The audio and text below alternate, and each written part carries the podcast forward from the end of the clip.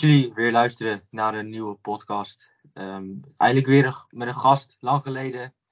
Uh, deze gast is al eerder langsgekomen. Uh, het is Bas van der Hoven, uh, buitenlands voetbalexpert van Voetbal International. Leuk dat je er weer terug bent, Bas. Goedemiddag. Hoi. Ja, leuk dat je er bent. Hoe gaat ja, het? Leuk om, leuk om er te zijn. Hoe gaat het? Druk? Ja, goed. Goed. Met jou? Zeker. Druk met, druk met van alles? Ja, het seizoen is natuurlijk in, in volle gang. Zeker met, met de Europese weken. Nu ja, is het, is het aanpoten. nou ja, ik moet zeggen, als je in de voetbaljournalistiek werkt, het, het, is absoluut geen klacht, want het is hartstikke leuk. En, maar je merkt dit seizoen wel, wat de spelers ook een beetje moeten voelen, dat je van, ja, eigenlijk van zwaartepunt naar zwaartepunt gaat. Hè? Het WK is amper afgelopen of, uh, of de competities gaan weer in volle vaart uh, verder. Het Europese voetbal er nu bij. Um, ik ben wel benieuwd ook hoe, hoe dat voor jou is als, uh, als kijker. ja, of je niet ooit bijna te veel voetbal hebt. Ja, eigenlijk wel hè. Want ja, het WK is voor, niet, niet, echt twee, drie dagen voorbij geweest en de FA Cup begonnen. Het was wel een ja. beetje voor mij de switch tussen WK en clubvoetbal duurde wel eventjes. Ja. Um, maar ik denk uiteindelijk Boxing Day, Nieuwjaarsdag, Premier League. Ja, dat was wel uh, toch weer van ouds.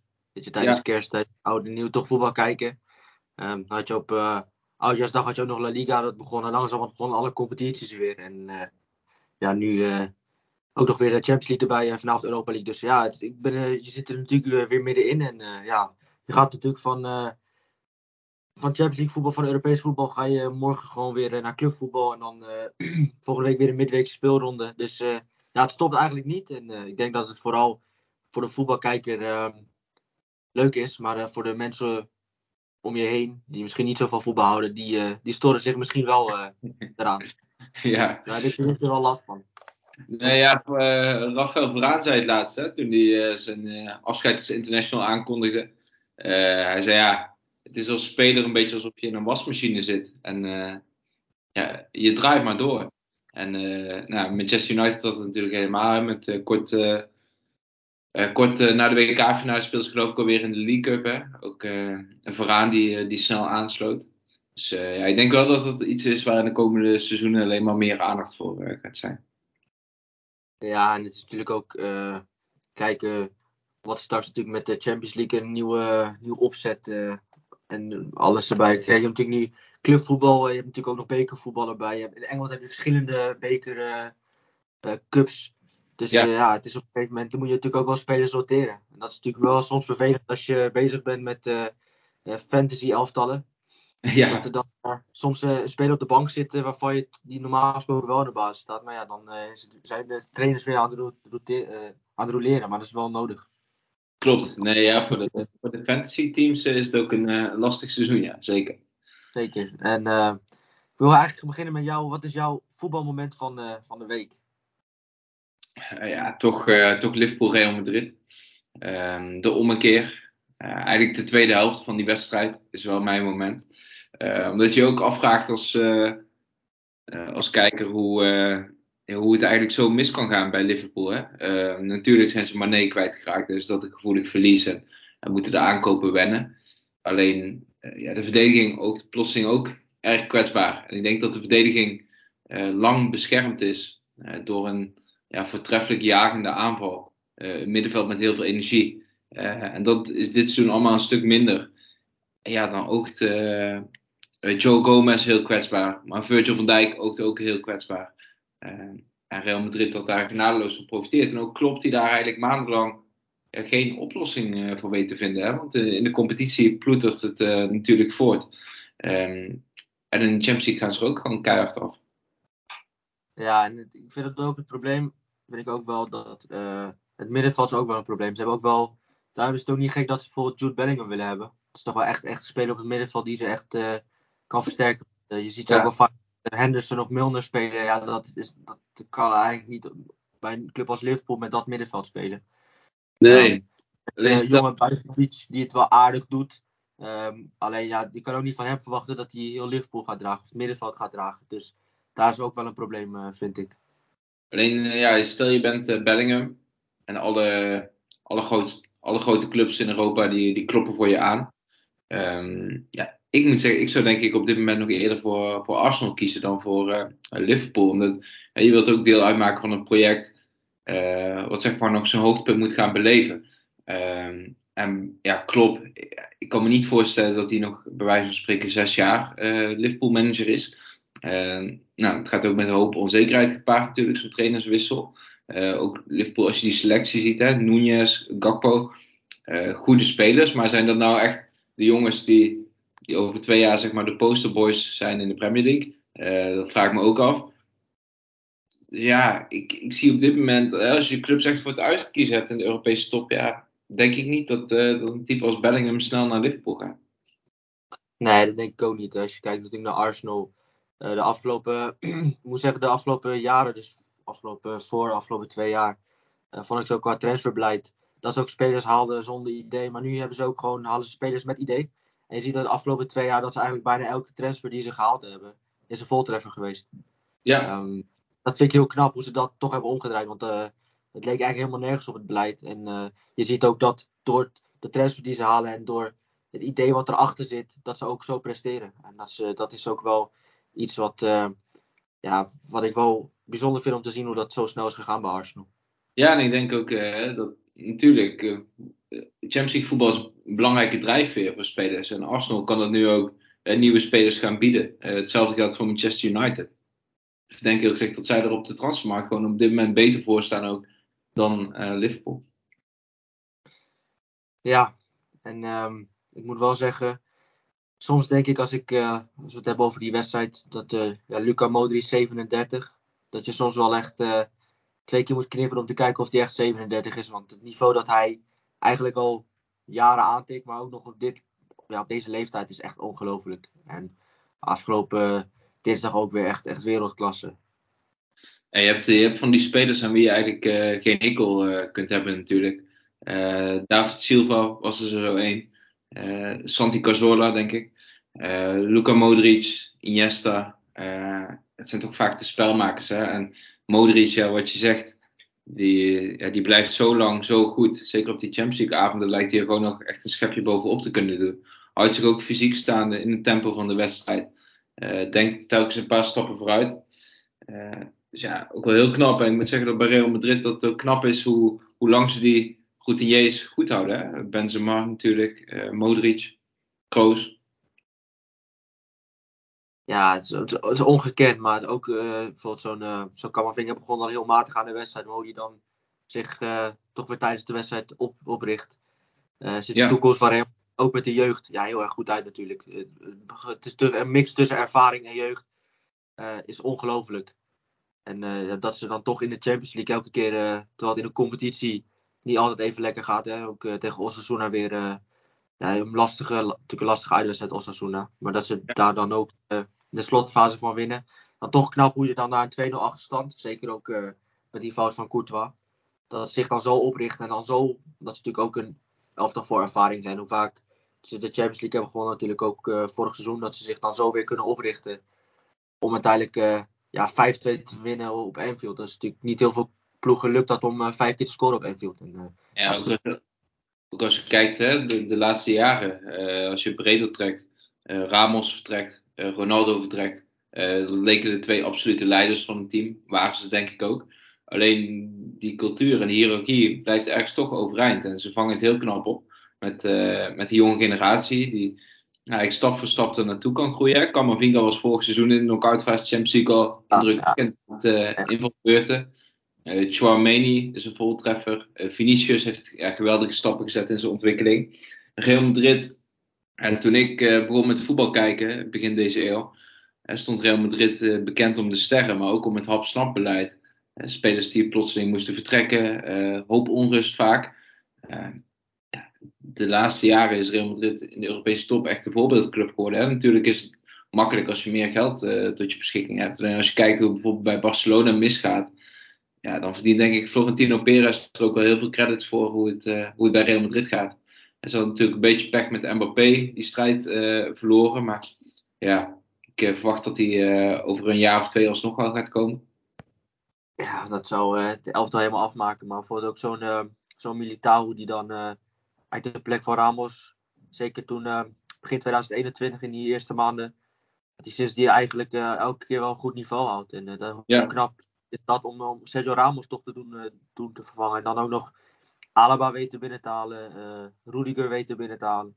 Dat zijn toch namen die de afgelopen jaren ehm, goed hebben gepresteerd op een hoog niveau. En eh, Real Madrid is natuurlijk ook nu eh, zeker een club voor, eh, voor jonge spelers ook om gewoon daar naartoe te gaan. En eh, het zou me ook niet verbazen als. eh, ik ook iets over Jude Bellingham. Ik weet niet of ze die nodig hebben, want het middenveld is. Ze hebben ontzettend veel middenvelders rondlopen daar. Ehm, maar het is wel een elftal dat elke keer presteert in, eh, in de Champions League. En uh, ondanks dat ze natuurlijk nu wel lang te achter staan op Barcelona.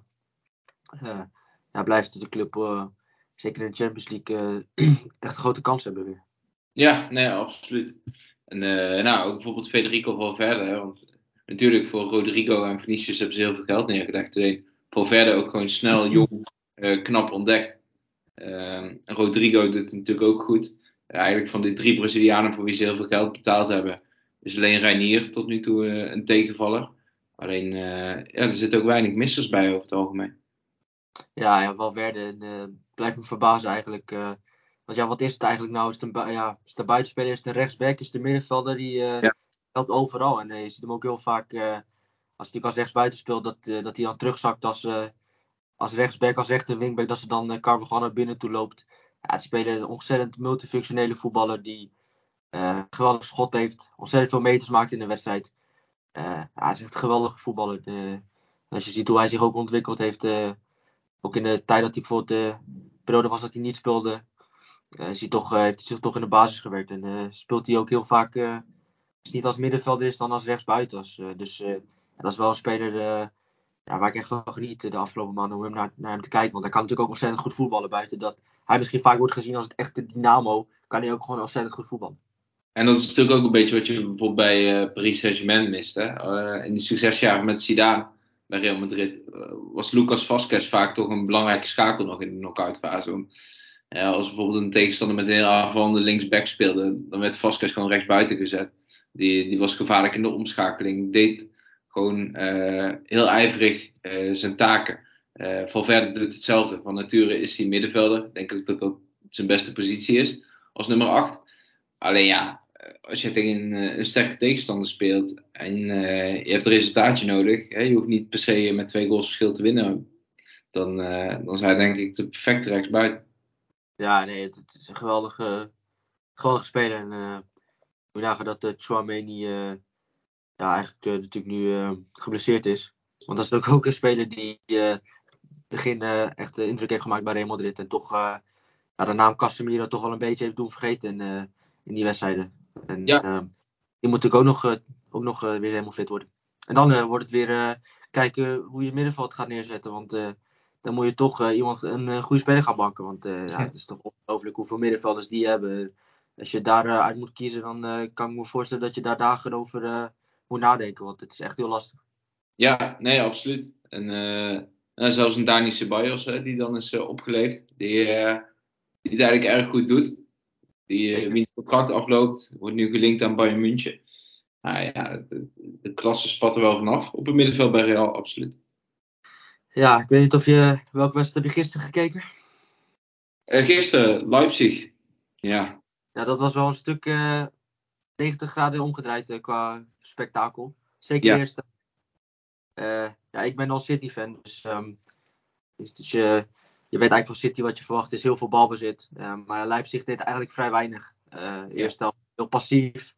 Ja. Zelfs Bos werd er helemaal gek van. Ja. die, en, um, en uiteindelijk door een fout van Slager en een bal door de benen van Guardiol werd het 1-0 voor City. Maar ik vond toch dat ze de tweede helft toch een beetje meer opleefden bij Leipzig en toch meer een wedstrijd van maakten. Ja, kijk, het was natuurlijk wel belangrijk dat Nkunku uh, nog kon invallen, hè, ook al was hij niet op zijn best. Um, maar ja, die, die werd wel gemist vanaf de aftrap. Dani Olmo, die ook niet kon spelen. Nou ja, heb je natuurlijk wel twee belangrijke schakels weg bij Leipzig. En ik denk als alles klopt, dan hebben ze inderdaad het materiaal om, om een City echt veel pijn te doen. Maar ja, nu kwamen ze eigenlijk tekort. Hè, want ze hebben denk ik wel een kans laten liggen. City was zeker niet op zijn best. Uh, City is eigenlijk al weken uh, niet op zijn best. Uh, het is ook een beetje zoeken met Haaland. op het middenveld. Ehm, heel opvallend natuurlijk, hè, die uitwedstrijd tegen Tottenham, dat de Bruin op de bank zat. Um, ja, Guardiola maakt ook wel, uh, ja, ik moet zeggen, van buitenaf is het af en toe lastig te doorgronden, de keuzes die hij maakt. Ja. Diaz, die heel vaak op de bank zit. Juist echt, ja, eigenlijk uitgroeide tot de, ja, de beste verdediger in de Premier League, vond ik. Zeker. Ja, ik ben een City-fan en ik ben het met, met, je eens, want uh, uh, het is natuurlijk ook dat Laporte was, was gisteren niet bij en De Bruyne was gisteren niet bij. Uh, volgens mij was John Stones was er ook niet bij. dan is het natuurlijk, het is, echt afwachten, want de ene keer Silva of Gundogan en dan uh, is natuurlijk links, maar dan Foden heb je dan ook nog en dan Ake natuurlijk nu heel vaak als, als, link, speelt als, als linksback natuurlijk nu. Uh, natuurlijk een tijdje gehad dat die, uh, dat die jonge jongen natuurlijk op, op rechtsback, Nico Lewis. Ja. Ja. Um, um, ja, natuurlijk Cancelo vertrokken. Natuurlijk ontzettend ja, jammer natuurlijk voor, ja, voor mij natuurlijk als City fan, want ik kon wel echt altijd genieten van, van Cancelo. ja, vaak natuurlijk aan, aan de linkerkant de laatste jaren. Um, ja, het is natuurlijk soms een beetje, ja, een beetje, ja, een beetje nadenken van wat, wat gaat hij doen. Is een beetje moeilijk in te schatten, want soms uh, start ze Bernardo Silva als linksback. De laatste wedstrijd uh, op papier als linksback. Um, dus ja, het is een beetje, beetje zoeken. En per wedstrijd verandert hij het ja, vaak wel met zijn opties. Maar dat natuurlijk ook niet qua, qua, ja, qua samenspel wordt het er ook niet beter op natuurlijk als je elke week blijft wisselen. Nee, klopt. Nou ja, verplaats je maar naar jezelf. Als je, als je in een team speelt, hè, een gegeven moment ontstaan natuurlijk vastigheden. En als het iedere week toch weer net anders is. Uh, natuurlijk, de principes zijn wel hetzelfde. Alleen de taken worden toch net uh, door verschillende spelers anders uitgevoerd. Uh, dus nou ja, ik denk niet dat het helpt. Hè. Misschien door, vanwege het zware programma is het wel noodzakelijk. alleen ik denk dat Guardiola af en toe wel een beetje doorslaat in het geven van kansen aan spelers die. Of nou eigenlijk het kijken naar vorm. Hè. Omdat ik denk dat als je bijvoorbeeld de Ruben Diaz uh, langer laat staan, uh, dat hij op een gegeven moment ook in vorm komt. Zeker. Ja, hij was tegen Arsenal, vond ik hem, uh, vond ik hem echt geweldig in die wedstrijd. Ja. Dus ja, nu start hij wel. Je moet, hem, je moet hem natuurlijk wel, op een gegeven moment is het wel vreemd, want Ruben Diaz was natuurlijk, toen hij kwam natuurlijk van Benfica, ja, was hij dat seizoen, zijn eerste seizoen echt, echt fantastisch. Ja. Verdediger in de Premier League dat seizoen. Um, het is natuurlijk vreemd dat hij dan op de bank begint. En dan soms heb je natuurlijk ook John Stones die als rechtsback begint.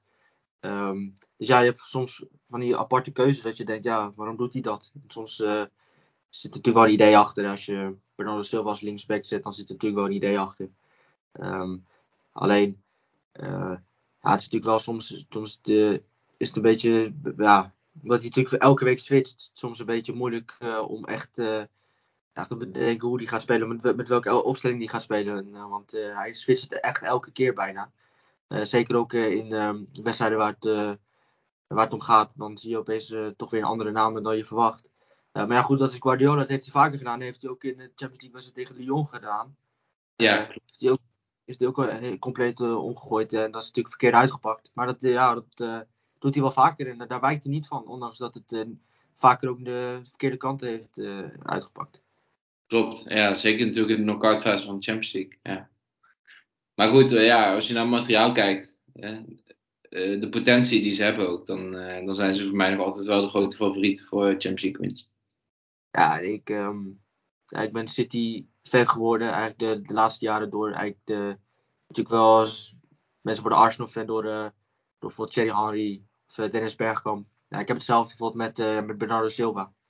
Ja, dat vind ik echt, echt een geweldige voetballer. Maar buiten dat het echt een geweldige voetballer is, vind ik dat hij andere Guardiola eigenlijk ook gewoon uh, veel op, eigenlijk gewoon veel meer als teamspeler speelt. Dat hij minder ook nog laat zien dat hij echt geweldig kan voetballen. Want hij kan eigenlijk nog beter voetballen dan hij laat zien. Maar ja, hij heeft veel ja. meer teamsbelang. En dat vind ik wel, Bernardo Silva, uh, vind ik dat echt geweldig. Dat hij zo belangrijk is voor het team. Dat soms wel eens zijn kwaliteiten minder tot zijn recht komen. Omdat hij eigenlijk veel meer aan het team denkt. En dat hij veel meer ook de, zelf veel meters aflegt. Maar ook uh, zijn verdedigende taak heel goed uh, uitvoert. Waardoor hij eigenlijk een van de belangrijkste spelers is voor Guardiola. Nou, ik denk bijvoorbeeld dat Bernardo Silva heeft een, knop omgezet wat Özil niet lukte. qua, qua type spel vind ik ze best wel op elkaar lijken. Alleen Özil ging natuurlijk binnen een team veel meer zijn eigen gang. Uh, was daardoor lastiger te, ja, te beteugelen door trainers. En nou, Bernardo Silva is een, nou, wat dat betreft wel een, ik denk wel karakter, een ander type. Ja, ja, ongelooflijk. Als je ziet waar hij, als je zijn heatmap bekijkt, hij staat overal op het veld. Um, het is echt ongelooflijk waar die, waar die loopt, waar die staat. Uh, is de, de, laatste jaar die natuurlijk eigenlijk naast rood is gaan staan. En vooral de wedstrijd vorig jaar uit bij Chelsea. Als je toen zag dat hij eigenlijk gewoon als voor meters aflegde en dat hij ook gewoon verdedigend overal stond. Ja, dat is natuurlijk voor zo'n speler als, als Bernardo Silva. Um, ja, dat is niet iets waar je achter hem zou zien. Maar je ziet hoe hij zich als teamspeler, ja, eigenlijk sinds hij bij City is gekomen, hoe hij zich laat zien als teamspeler. Ja, daar kunnen veel spelers wat van leren. Want ook in het nationale elftal van Portugal, ja, dan zie je ook dat hij daar ook als teamspeler fungeert. En dat is wel echt een speler waar heel veel trainers ja, het eerst op een papier, op een, op een elftalformulier zouden zetten. Want ja, Bernardo Silva is de perfecte speler voor een trainer. Nee, helemaal eens. Helemaal eens. Vanavond Europa League. Ja. Ajax door tegen een lastige, hele lastige Union Berlin. Ja, denk je dat ze doorgaan? Ja, ik ben Ajax-fan, dus ik hoop het wel. Um, alleen, ja, het is lastig. Het is lastig, omdat ja, Union Berlin is gewoon een ontzettend degelijke uh, ploeg.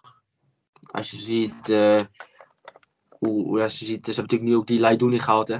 Um, ja. Die natuurlijk ook heel goed was bij Tunesië. Die vind ik het ook uitstekend doet nu bij Union Berlin is natuurlijk ook nog een extra duelkracht op het middenveld erbij. Ja, Juranovic aan de rechterkant, uh, die in Amsterdam heel goed was. Samen met Roussillon uh, als wingback. Die natuurlijk aanvallend heel goed kunnen zijn, maar dan ook weer zich kunnen terugdekken uh, verdedigend. Ja, wordt het een hele lastige, taaie wedstrijd. en ik vind Ajax altijd heel moeilijk spelen tegen vijf verdedigers. Mm. daar heeft Ajax altijd heel veel moeite mee. En ja, Ajax ook niet de ploeg wat heel graag in de duels wil komen. Dus het wordt enorm lastig. En ik mag hopen dat Ajax in ieder geval een stuk uh, minder voorzichtig speelt als in de, in de thuiswedstrijd. Want dat leek helemaal net op uh, hoe voorzichtig zij uh, speelden. Aan de enige kant logisch. Want ja, je bang voor de counters. Alleen, je moet natuurlijk wel zelf ook tot voetballen komen. En dat kwamen ze absoluut niet in Amsterdam. Nee, nee, het was, het was heel teleurstellend. Um, zeker omdat, natuurlijk, je komt tegenover een stugge tegenstander te staan. Maar het was vooraf bekend, hè. Dat, iedere analyse voor beschouwing kwam dat naar voren. Um, dan is het toch wel teleurstellend dat je in de thuiswedstrijd zo weinig laat zien. En ik denk niet dat het spelbeeld uh, vanavond anders wordt. Uh, Union Berlin speelt eigenlijk altijd zo. En speelt natuurlijk afgelopen weekend gelijk tegen Schalke. wat ook wel ergens typerend is voor dat elftal. Want Union Berlin speelt eigenlijk, denk ik, liever nog tegen een subtopper dan tegen een laagvlieger. liever tegen een team dat wil voetballen en zichzelf misschien een beetje overschat. Dan een team dat zich ingraaft. Want dan ja, heb je eigenlijk een soort spiegelbeeld effect. Dus ja, voor Ajax is dit gewoon, ja, dat betreft een heel slechte matchup. Zeker, zeker. En uh, spelen dit weekend tegen Bayern München. Ja. dat is wel fijn. Ook natuurlijk omdat er natuurlijk ook bij Bayern München problemen zijn dat Upamecano geschorst is. Ja. en afgelopen weekend hebben we Daley Blind toch wel zien zwemmen bij Bayern München. Zeker ook omdat ze achterin een rode kaart hadden, zei je? Vond je het een terecht rode kaart voor Upamecano of niet? ja, als het een overtreding is, dan snap ik de rode kaart wel. Maar ik vond het wel heel licht. Ik vond die overtreding ja. heel erg licht. Um, dus ja, ik kan het voor mij part niet hoeven geven. Alleen ja, als het een overtreding is, dan is het volgens de regels wel rood. Dus um, ja. alleen voor je gevoel was het geen, vond ik het geen rode kaart. Nee, het was een beetje rood met pijn in het hart. Hè? Volgens de regels Ja. inderdaad rood. Alleen je zag ook nog wel dat hij echt wel moeite deed eigenlijk om hem op het laatst ja, uit de weg te gaan. Ook al raakte hij hem. Zeker, maar ja, je zag wel dat uh, nadat hij vertrokken is, natuurlijk hij is natuurlijk dit seizoen echt, echt geweldig. Hè? Hij heeft natuurlijk opstartproblemen Ja. gehad bij Bayern München. Uh, alleen dit seizoen is hij echt, is, vind ik hem echt heel geweldig. Ehm, alleen, het is wel zo, toen hij vertrokken was, mis je natuurlijk ook een stukje snelheid achterin. Uh, ja, die punt kwam echt te zwemmen. Want je zag ook dat Davis natuurlijk ook heel vaak onderweg. Ja, dan Mhm. kom je als Daily Blitz in ontzettend grote ruimtes terecht.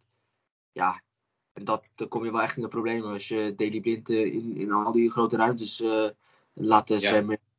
kom je als, als ploeg echt in de problemen. En ik moet zeggen dat, ja, ik moet zeggen dat Gladbach ook wel hele leuke spelers heeft. Als je kijkt naar Stindl.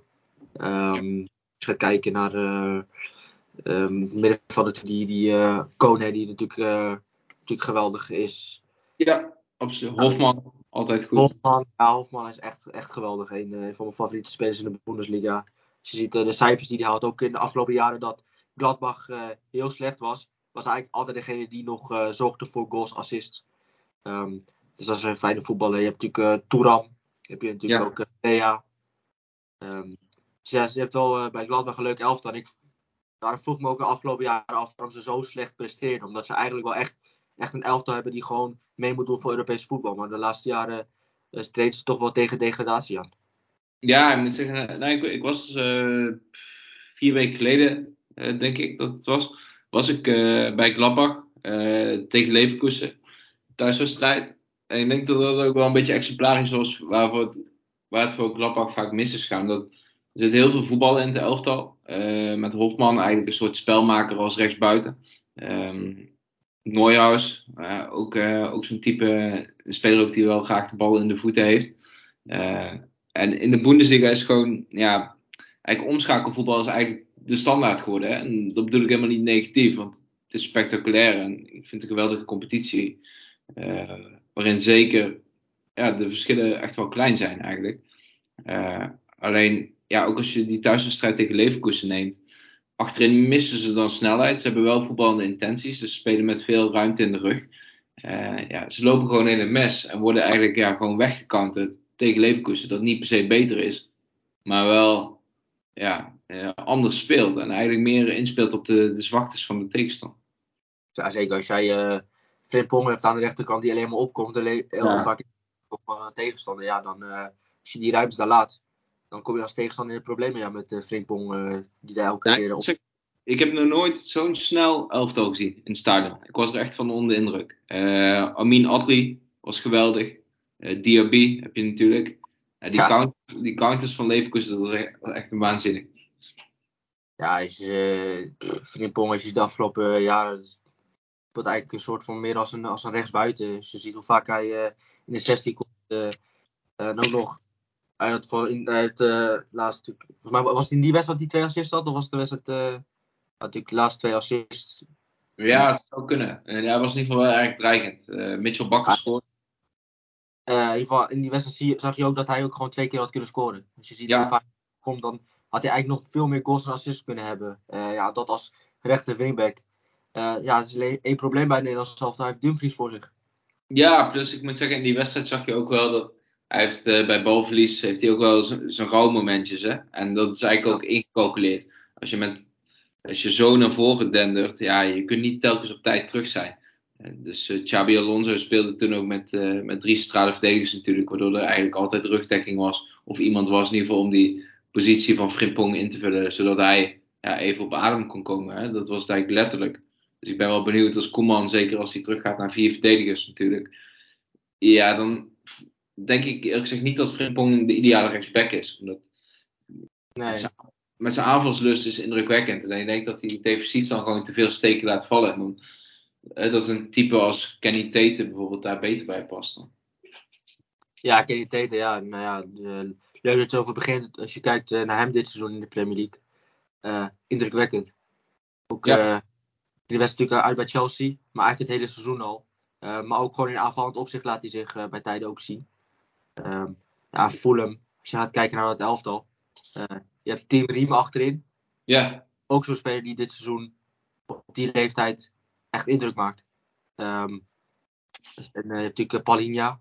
Mm, heel... Een, nog afvraagt hoe, hoe lang hij nog in Portugal heeft kunnen spelen. Dus je ziet hoe hij uh, ja. in de Premier League zich heeft aangepast.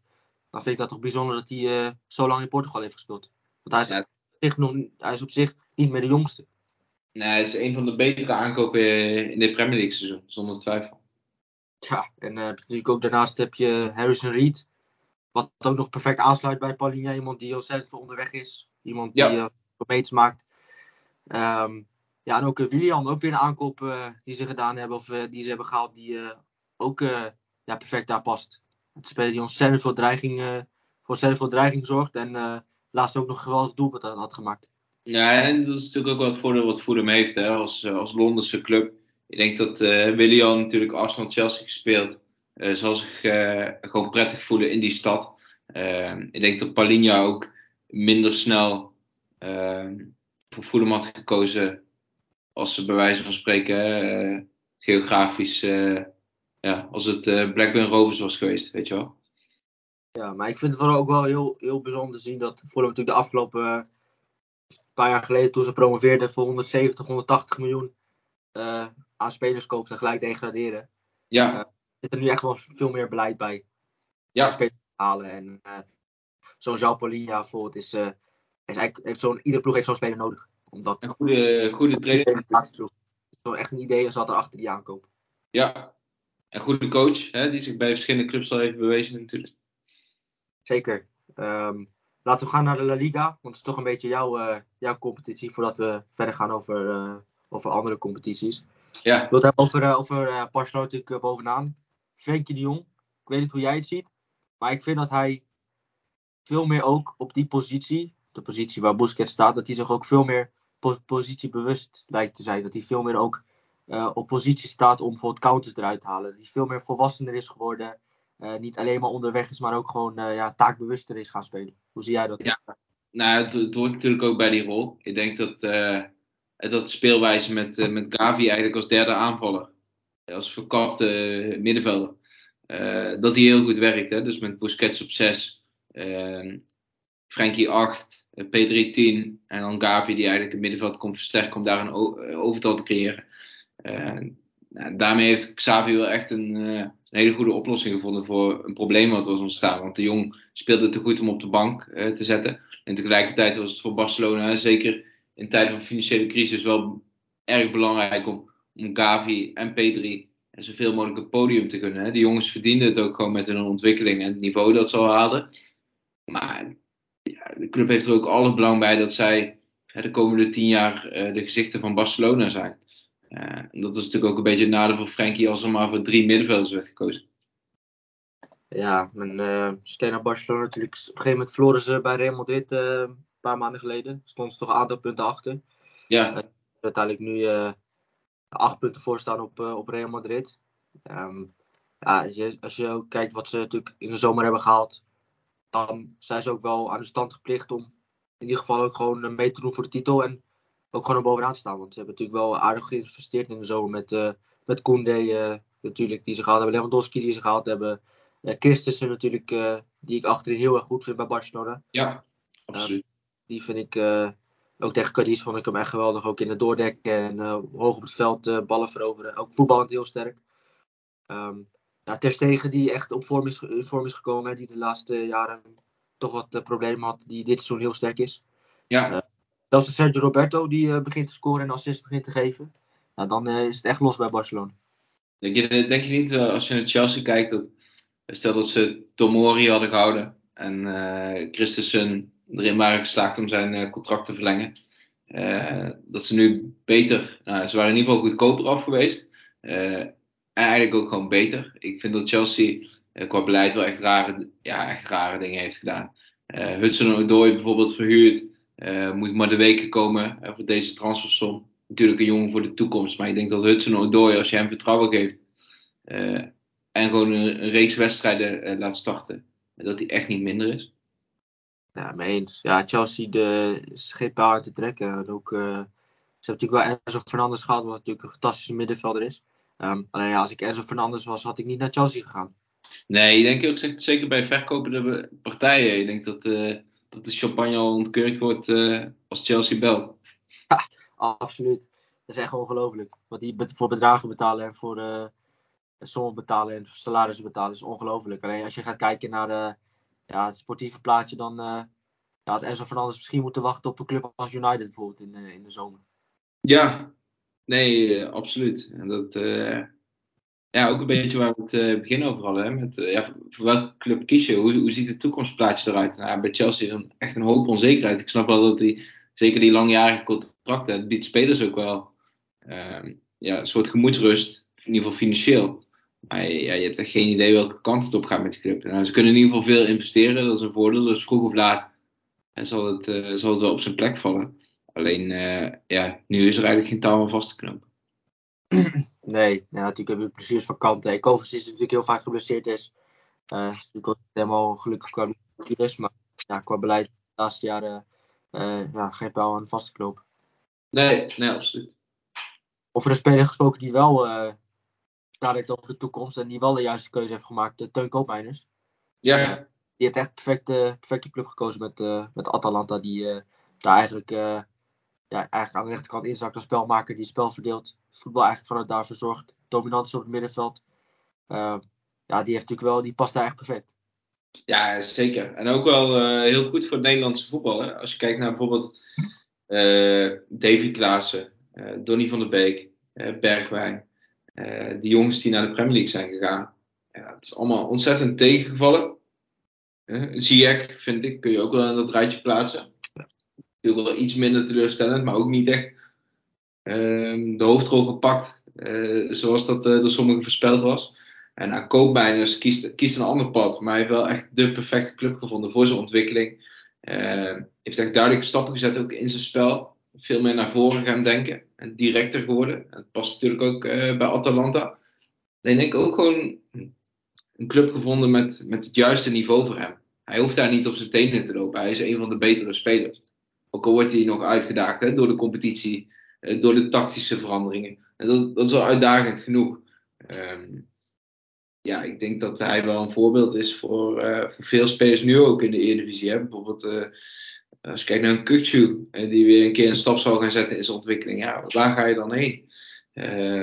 nou, als je terugdenkt aan hoe het de laatste jaren is gegaan met, met Nederlandse smaakmakers uit de Eredivisie in de Premier League, dan schrikt dat denk ik wel af om naar Engeland te gaan.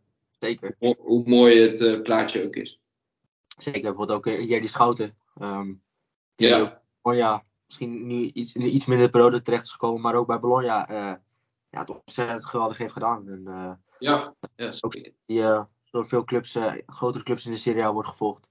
Um, ja. Dus stap bijvoorbeeld naar, wat dacht je van Abu Ghlal Toulouse. Branko van der Bomen, die nu ook in de league eigenlijk bijna overal uh, hoog staat in de stats.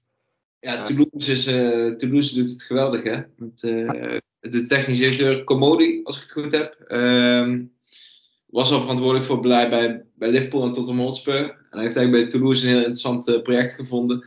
En nou, vanuit de Ligue 2 natuurlijk opgeklommen.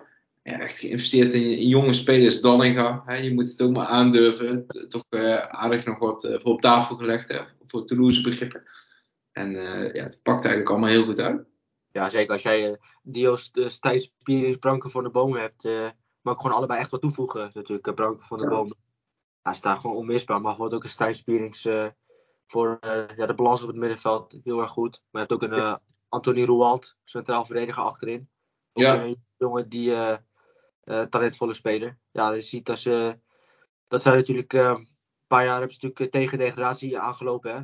Uh, net, wel, net, net niet gedegradeerd elke keer. Natuurlijk dan op een gegeven moment net wel gedegradeerd. Maar als je ziet dat ze dan het eerste jaar weer terugkomen en dan uh, ja, zo goed presteren.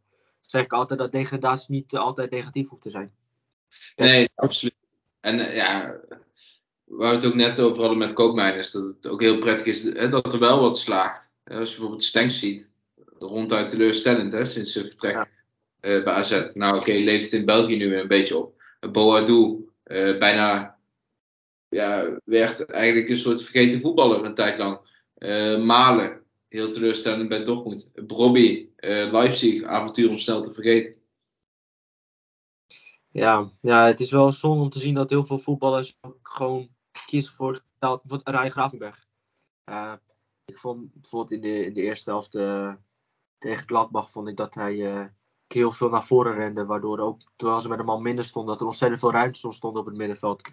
Uh, tegen Gladbach werd ook in de rust gewisseld voor Musiala. Ja, ook weer zo'n speler waarvan je denkt, ja, had dan toch die één of twee jaar bij Ajax gebleven. Ja. Niet kiezen voor geld. Ja, je hebt dan wel geld.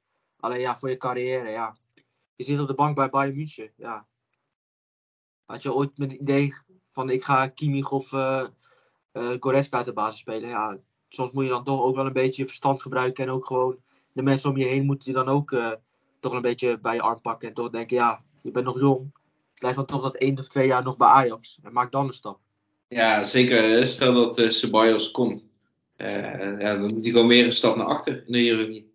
Ja, ja dan uh, word, je, word je verhuurd straks aan, uh, aan ergens een club onder in de Bundesliga. Ja, dan, dat is, dan ga je toch je carrière steeds meer vergooien.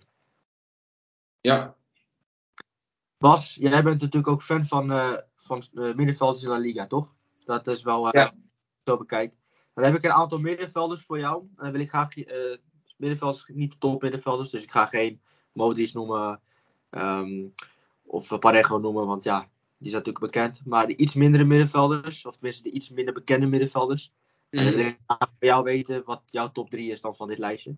Oké. Okay. Uh, begin ik uh, bij een uh, middenvelder van, van Atletico Bilbao, Oyen Sanset. Die eigenlijk speelde als 10. Hij is gedebuteerd als nummer 10.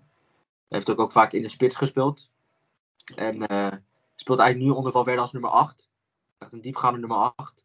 Uh, ja, komt natuurlijk ook heel vaak in de 16, wat natuurlijk ook uh, zijn instinct is natuurlijk als, als nummer 10, als, als, zelfs als spits, dat, hij, dat je ook doelpunten maakt. Zie je dat hij dit seizoen natuurlijk ook als nummer 8 vaak in de 16 komt. je hebt bij Real Vallecano Oscar Valentin, 23-jarige middenvelder, die vind ik heel goed is, ook in een druk zetten, in een duel als ballen veroveren. En ook een hele belangrijke speler in, in het feit dat Real Vallecano op dit moment zesde staat.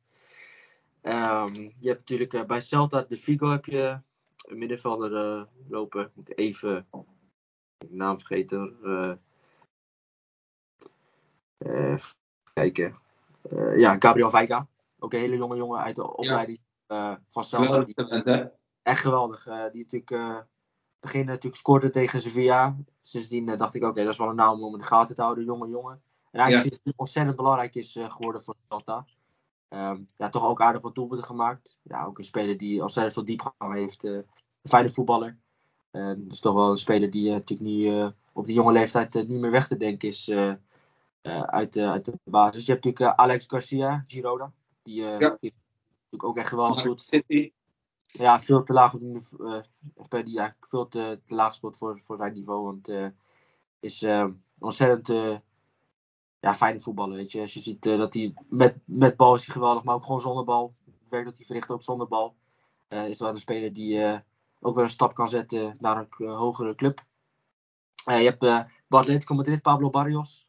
Een middenvelder die opeens in de basis opdook. En eigenlijk gewoon ja, speelde alsof, echt als een routinier. Want hij vroeg om de bal, verdeelde het spel uitstekend. verstopte zich niet en was ontzettend dominant aanwezig. Nou, verwacht je niet hè, bij Atletico. Want uh, nee. je natuurlijk niet scheutig geven dat, van uh, kans aan de jeugd. Ja, dat vond ik dus inderdaad heel, uh, heel leuk om te zien. Dat zo'n jonge jongen dan begint in de basis. was nog maar zijn eerste basiswedstrijd. En dat hij dan op die manier zich zo laat zien. zo dominant aanwezig op het middenveld.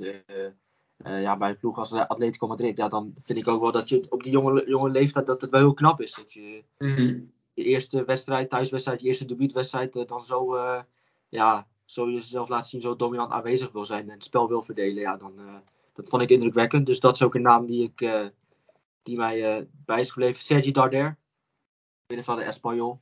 Geweldige ja. je aanvoerder daar. ja, het zorgt er toch wel voor dat Espanyol een beetje leuk is om naar te kijken, want geef hem de bal en er gebeurt wat.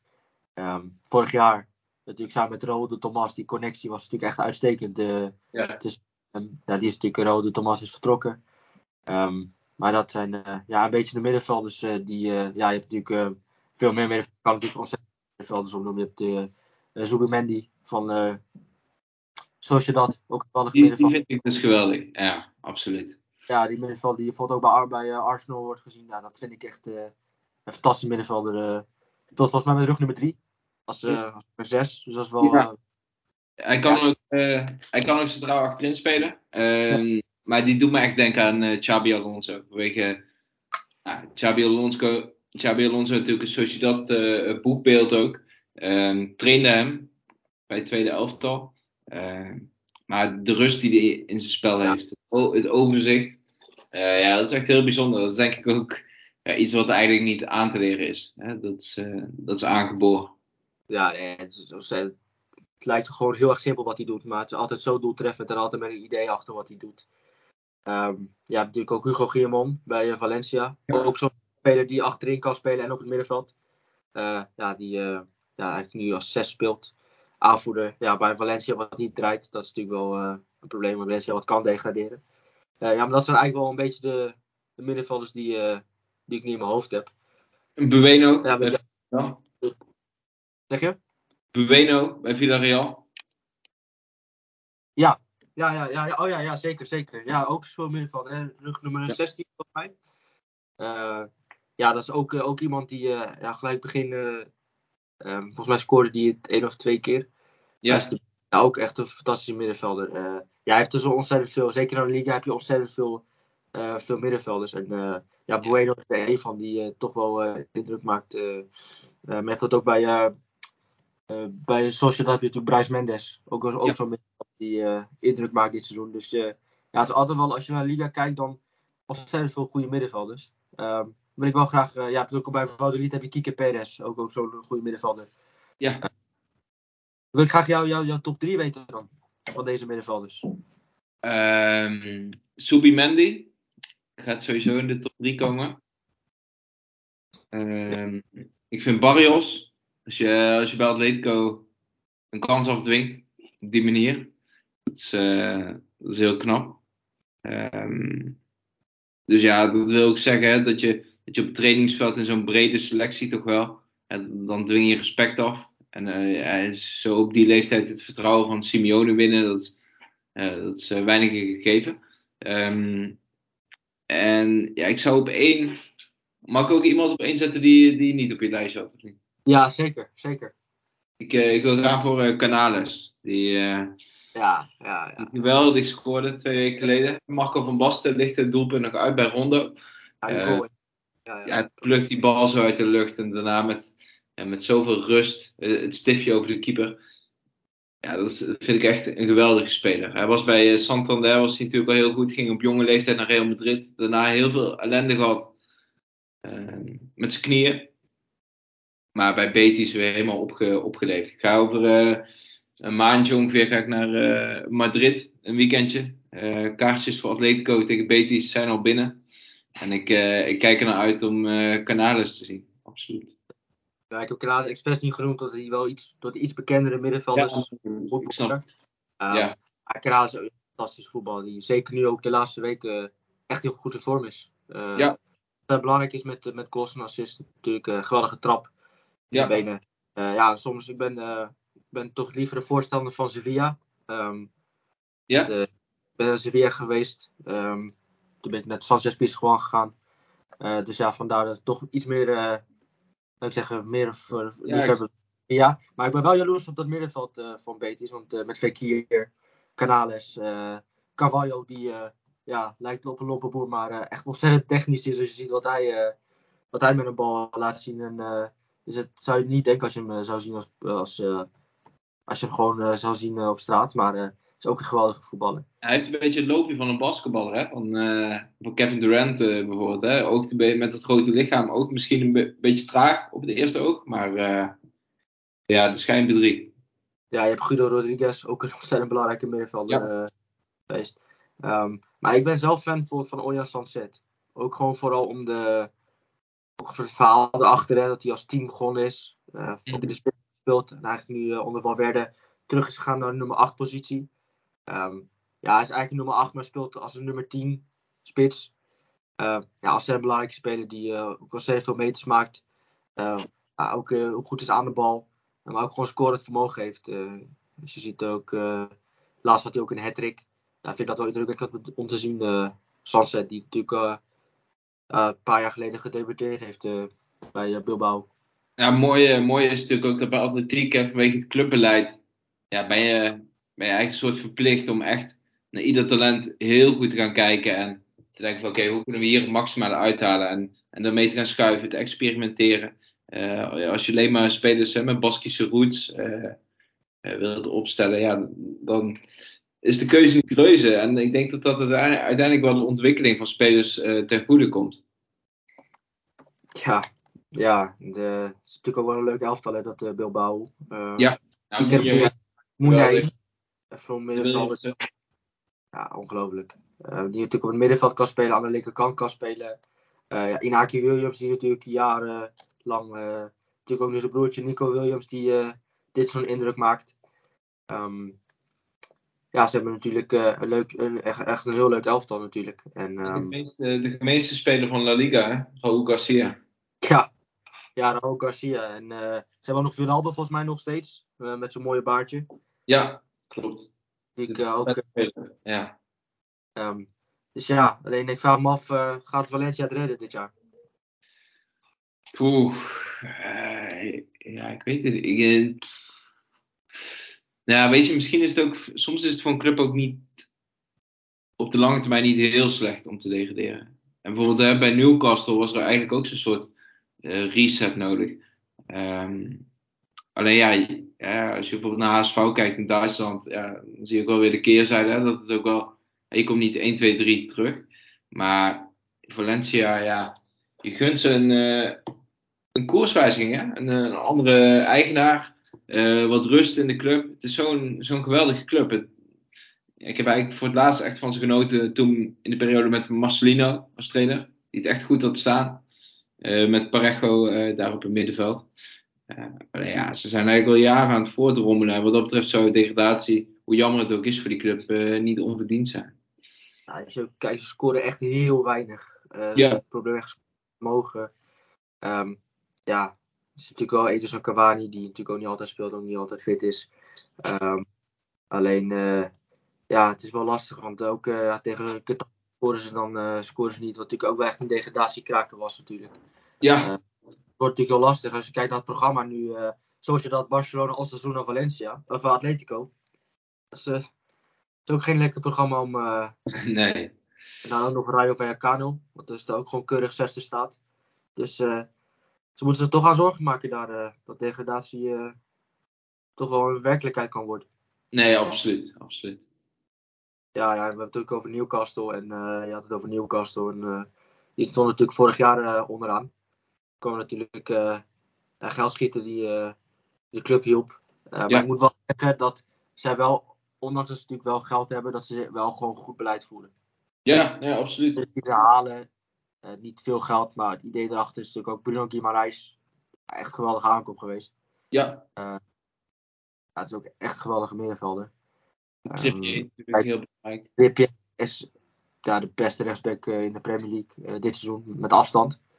Als je ziet de kansen die hij creëert, dus als je naar de lijst kijkt, dan staat hij echt bovenaan de verdediger met de meest gecreëerde kansen. Dat is ongelooflijk.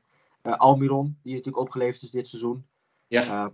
Uh, vooral ook de, de wisseling van uh, Joe Linton als spits naar middenvelder. ja, is geweldig geweest. want hij is natuurlijk wel iemand die echt de aanjager is. Iemand die ontzettend veel meters kan maken. En ja, de middenveldpositie past echt perfect bij hem. Dus dat hij daar is neergezet, is, is het eigenlijk een openbaring geweest. Nee, helemaal eens. Hij is natuurlijk een, speler die als je kijkt naar het merken voetbal, naar het rugby. Het is een jongen die, die sterk is, die echt uh, uh, meters kan maken. Ook met de bal aan de voet. Die echt progressie kan boeken op het veld. En daarmee ook door linies uh, heen kan breken. En ja, dat is toch wel knap. Want ze hadden natuurlijk heel veel geld voor hem betaald. Scoorde als spits veel te weinig. Alleen, ja, ze hebben hem nu eigenlijk ja, een soort van nieuw leven ingeblazen. Ja, ja en dan Botman, Sheer achterin. ja.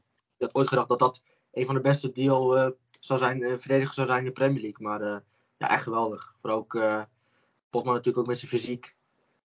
met, ja, ontzettend goed zijn fysiek en ook dat hij ook vaak gaten dichtloopt. Maar ja, Cher is natuurlijk ook een geweldige verdediger. maar ook Cher met zijn voetballende vermogen. dat sluit echt heel goed op, op elkaar. Klopt. Ja, dan gaan we langzaam naar de afsluiting, Bas. Maar ik wil wel graag. ik had natuurlijk uh, hadden contact gehad dat jij mijn Sorek moet gaan maken. Want uh, ik ben daar niet zo goed in, van La Liga. Okay. Ik, ik, had vorige week, had ik, uh, of ik had, twee weken geleden ben ik ermee begonnen. Had ik uh, Surlot. Ja. En, ik heb hem scoort hij niet meer. Terwijl hij daarvoor eigenlijk elke week scoorde. En sinds ik hem heb scoort hij niet meer. Dat is een beetje mijn... Ik heb mijn Sorek. Kun je je scherm delen, dat ik mee kan kijken? Oeh, dat zou wel kunnen, ja, zeker. moet ik even kijken. Ja. Ben jij, eh, doe jij ook aan eh, fantasy dingen? Nee, ja, ik speel Fantasy Premier League en ik eh, speel Scorito, eh, het Eredivisie-spel. Ja. Nou, normaal gesproken is Sorare eh, eh, kost geld. Alleen ze hebben nu een, een nieuwe deal gesloten met eh, allerlei eh, instanties. Waardoor je nu eh, eh, eigenlijk een soort van eh, iedere speler uit de game, iedere, ja, iedere La Liga speler of Premier League speler, die, die kan je gewoon kiezen. Ja, Ehm, en je krijgt eigenlijk gewoon de, de, de, de common kaart die, eh, die je gratis kan krijgen. Alleen als je dan in de top 200 eindigt, kan je geen limited kaart. En eh, die kan je dan verkopen. Maar je kan er ook weer eh, een andere competities mee beginnen. Waarmee je bijvoorbeeld ook een La Liga shirt kan winnen. Als je dan in de top 10. Dus alleen ja, ik ben er niet zo heel top goed in. omdat ik- 200 moet je eindigen. Je moet in de top 200 eindigen om überhaupt een, een, een kaart te krijgen die je kan verkopen. Hoeveel mensen Eh, doen er mee, ongeveer? Volgens mij deden er vorige week 27.000 mensen aan mee. Eh, alleen een vriend van, mij, vriend van mij eindigde in de top 100 met La Liga. Kijk. Eh, die had namelijk Oblak, uh, Terrein die echt geweldig was tegen Bilbao. Die had Sergio Darder die scoorde. En eh, die had Lewandowski die scoorde. En, eh, dus hij heeft best veel punten gepakt vorige week. Even kijken of ik mijn scherm kan delen. Ja, anders, anders leg ik gewoon maar een keuze voor. Dan eh, komt het ook Goed, goed. mijn scherm gedeeld. Ik weet niet of je het kan zien. Ja, En eh, ja, als we gaan kijken naar up, dit is mijn team, eh, dit is mijn voor, voor Ligue. Mhm. Chevalier, Tavio Fico, Enzo Lefebvre, geweldige middenvelder. Ja. Jonathan David, Balogun. ja, Je moet ook, ook wel opletten, want je, hebt- je hebt maar 400 eh, diamantjes. ja. En eh, voor, voor eh, acht spelers. Dus je moet soms ook iets minder optie hebben om. bijvoorbeeld in de Serie A heb Kvaratskhelia. Dan moet ik dan toch wel weer een beetje compenseren met bijvoorbeeld een. Provedel. Maar dan gaan we naar de Bundesliga. Is dit team Brand, die natuurlijk heel goed in vorm is. Ja. Musiala, eh Borno Sosa. Lekker. ook geweldig. En eh, ja, Premier League team. Ja, je hebt wel problemen in de Premier League, want eh, sommige wedstrijden li- liggen eruit. Eh, dus eh Ja, heb ik van gemaakt. Zeker ook omdat de Tarkovsky natuurlijk nu met Sean Dice Everton veel solider is geworden en vaak de nul houdt nu. Ja. Tarkovsky erin gezet. Dus ja, een captain. Blijft elke week mijn captain. En nu La Liga. We hebben, kijken, acht opties. En je hebt 400 eh, van die eh, diamantjes. Dus eh, eigenlijk moet het gemiddeld 50 eh, per diamant zijn. Alleen er komen, komen van de acht spelers komen vier in de basis. Dus de, eigenlijk de andere, andere vier opties maken niet zoveel uit. Dus het gaat eigenlijk puur om de basis. Dus het kiezen van ja, je keeper, je verdediger, een middenvelder en een aanvaller. Dus ja, ik ben heel benieuwd voor wie je gaat. Laten we beginnen gewoon met, met een middenvelder. Even denken hoor. Real speelt natuurlijk tegen Atletico. Ehm Kijk, doe maar. Staat wie bij Sociedad staan als middenvelders? Eh Sociedad. Eh, Silva, Merino, Bryce Mendes, Idaramendi, Zubimendi. Ja, doe maar Brais Mendes. Ja, tegen Valencia. Dat zou normaal gesproken inderdaad wel. eh zou inderdaad wel moeten kunnen dat hij eh, wat punten kan pakken. Dan eh, gaan we even, zoals je dat weghalen, gaan we naar, naar de aanval. Griezmann natuurlijk ook heel goed in vorm. Hè? Ook als je ziet Ja. Antoine Griezmann, die eigenlijk alles doet bij, bij Atletico vandaag de dag. Hij is verdediger, middenvelder en aanvaller en buitenspeler bij, bij Atletico. Dit is natuurlijk wel eh, ja, een lastige wedstrijd op het programma staan. Dat- ja, even denken. Ik zou voor eh, een Barcelona aanvaller gaan. Tegen Almeria, ja. Ja. Kunnen we, kunnen we Barcelona instellen? Ik zou toch gewoon voor Lewandowski gaan. Ja, toch wel de, de veilige optie. Soms moet je... Al moet ik wel zeggen dat hij natuurlijk al een tijdje niet had gescoord voor, eh, voor afgelopen weekend eh, tegen Cadiz. Nee, Eh, klopt. maar laten we hopen dat eh, de wedstrijd tegen uh, Cadiz eh, dan toch de ketchup-theorie, eh, dat hij vanaf nu eh, veel gaat scoren. Dan, eh, Ik denk dat er bij Celta de Vigo eh, mogelijkheden zitten. Thuis tegen Valladolid. Celta de Vigo, een verdediger. Verdediger van Celta. Dan, eh even kijken.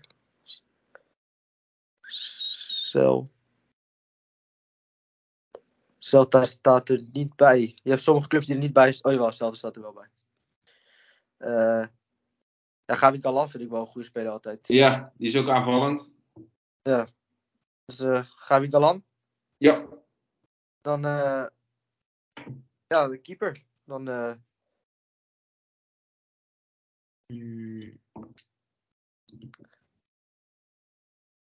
Boenu? Ja, tegen Osasuna thuis. Zou ik wel durven.